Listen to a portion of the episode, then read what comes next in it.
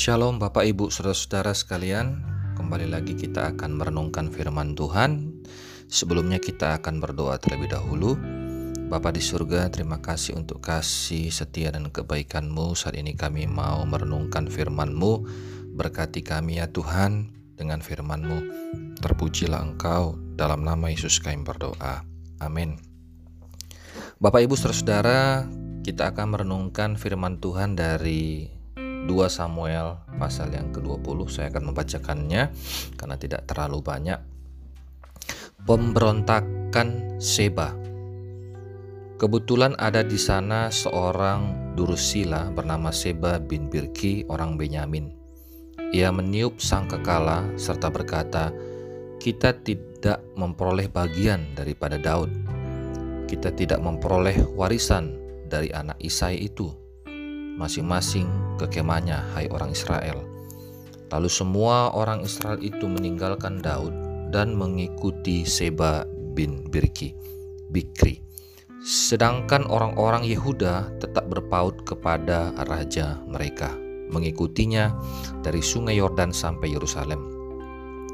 Sampailah Daud ke istananya di Yerusalem Lalu raja mengambil ke sepuluh gundik yang ditinggalkannya untuk menunggui istana.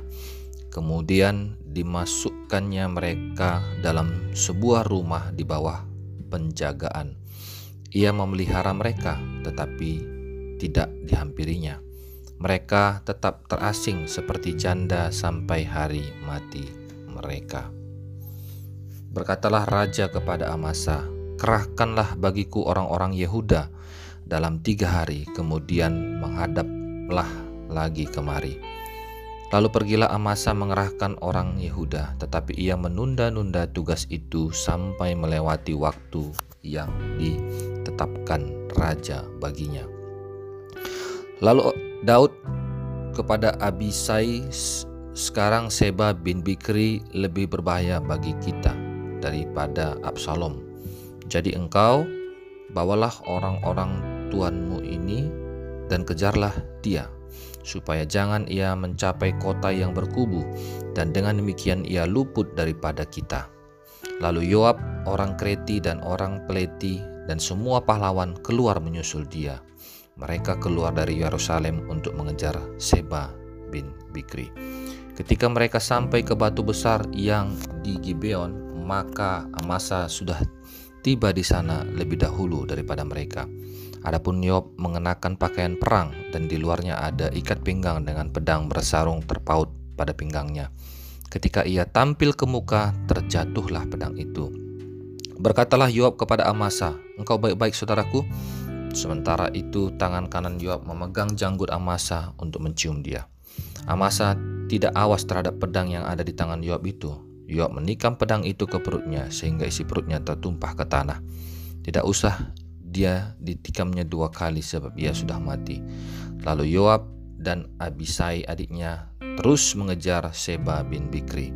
Dan seorang dari orang-orang Yoab tinggal berdiri di dekat mayat itu sambil berkata, Siapa yang suka kepada Yoab dan siapa yang memihak kepada Daud, baiklah mengikut Yoab. Mengikut Yoab. Dalam pada masa itu Amasa terguling mati dalam darahnya di tengah-tengah jalan raya. Ketika orang itu melihat bahwa seluruh rakyat berdiri menonton, maka disingkirkannya mayat Amasa dari jalan raya ke padang, lalu dihamparkannya kain di atasnya. Karena dilihatnya bahwa setiap orang yang datang ke sana berdiri menonton. Setelah dijatuhkannya mayat itu dari jalan raya, maka semua orang itu berjalan terus mengikuti Yoab untuk mengejar Seba bin Bikri. Seba telah melintas daerah semua suku Israel menuju Abel, Bet Maka, dan semua orang Bikri telah berkumpul dan mengikuti dia. Tetapi sampailah orang-orang Yoab lalu mengupung dia di Abel ben Bet Maka mereka menimbun tanah menjadi tembok terhadap kota itu dan tembok itu merapat sampai ke tembok luar sedang seluruh rakyat yang bersama-sama dengan Yoab memanggil tembok kota itu untuk meruntuhkannya. Lalu berserulah seorang perempuan bijaksana dari kota itu. Dengar, dengar, katakanlah kepada Yoab, mendekatlah kemari supaya aku berbicara dengan engkau. Maka mendekatlah Yoab kepada perempuan itu, bertanyalah perempuan itu, Engkaukah Yoab? Jawabnya benar. Lalu berkatalah perempuan itu kepadanya, dengarkanlah perkataan hamba ini. Jawabnya, baik. Kemudian berkatalah perempuan itu dahulu, biasa, dahulu biasa orang berkata begini, baiklah orang minta petunjuk di Abel dan di Dan, apakah sudah dihapuskan? Apa yang telah ditetapkan oleh orang-orang yang setia di Israel, tetapi engkau ini berikhtiar membinasakan suatu kota, apalagi suatu kota induk di Israel. Mengapa engkau hendak menelan habis milik pusaka Tuhan? Lalu Yoab menjawab, Jauhlah, jauhlah daripadaku untuk menelan dan memusnahkan. Bukan begitu halnya, tetapi seorang dari pegunungan Efraim yang bernama Sheba bin Bikri telah mengerakkan tangannya melawan Raja Daud. Serahkanlah dia seorang diri, maka aku akan undur dari kota ini. Lalu berkatalah perempuan itu kepada Yoab, baik kepalanya akan dilemparkan kepadamu dari belakang tembok ini. Kemudian maksudlah pula perempuan itu dan berbicara kepada seluruh rakyat dengan bijaksana. Sesudah itu mereka memenggal kepala Seba bin Bikri dan melemparkannya kepada Yoab. Yoab meniup sesangka kala lalu berserak-seraklah mereka meninggalkan kota itu masing-masing tempatnya maka pulanglah Yoab ke Yerusalem kepada raja Bapak Ibu kalau kita melihat ayat pertama dan ayat yang kedua tadi dikatakan di sana kebetulan ada di sana seorang Dursila bernama Seba bin Bikri orang Benyamin ia meniup sangkakala serta berkata, "Kita tidak memperoleh bagian daripada Daud."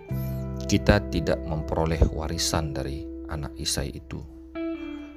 Lalu semua orang Israel itu meninggalkan Daud dan mengikuti Seba bin Bikri. Di sini ada pemberontakan yang dilakukan oleh Seba bin Bikri oleh karena dia kecewa kepada Daud dan oleh karena kekecewaan itu bukan hanya dia sendiri yang memberontak tetapi dia mengajak orang-orang juga untuk memberontak kepada Daud. Eh, satu hal yang saya pelajari di sini adalah bahwa kita harus berhati-hati dengan hati kita ketika kita kecewa kepada seseorang. Kenapa?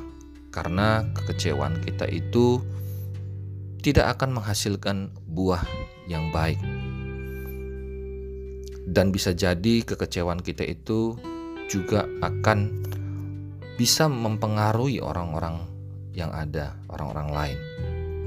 Seperti yang dikatakan di dalam Amsal pasal yang keempat ayat yang ke-23, jagalah hatimu dengan segala kewaspadaan, karena dari situlah terpancar kehidupan. Kenapa? Karena hati kita itu akan mempengaruhi seluruh kehidupan kita dan kita harus mewaspadai. Bapak Ibu saudara, jikalau kita kecewa dan marah, mari datang kepada Tuhan. Dan firman Tuhan menasihatkan kepada kita untuk mengampuni. Kenapa? Karena dengan kita mengampuni, maka iblis tidak akan uh, sempat bekerja di dalam hati kita dan akan mempengaruhi seluruh kehidupan kita. Kemarahan, kekecewaan bisa mengakibatkan hal yang fatal, sama halnya dari Seba bin Bikri, orang Benyamin ini. Dia tidak bisa mengatasi kekecewaan dan kemarahannya, sehingga pada akhirnya kehidupannya uh, tragis di bawah uh, bawahan daripada Daud Nah, oleh karena itu, mari kita segera menyelesaikan kalau ada kekecewaan dan kemarahan. Jangan sampai kemarahan dan kekecewaan itu menjadi akar pahit. Jangan sampai itu menjadi uh, mempengaruhi seluruh kehidupan kita. Dan oleh karena itu, biarlah kita menyerahkan segala bentuk-bentuk keadilan kepada Tuhan. Biarlah Tuhan yang bertindak membela kita kalau kita memang benar. Tetapi sering kali kadang-kadang kita juga uh, salah Bapak Ibu Saudara dan kita menintrospeksi diri kita. Kita perlu datang kepada Tuhan. Oleh karena itu Bapak Ibu Saudara dari 2 Samuel pasal yang ke-20 ini kita belajar untuk tidak memelihara kemarahan, kebencian, apalagi mengajak orang lain untuk uh, merasakan hal yang kita rasakan dan memberontak dan kita menyerahkan semuanya itu kepada Tuhan. Kiranya firman Tuhan ini memberkati kita, Tuhan Yesus memberkati. Shalom.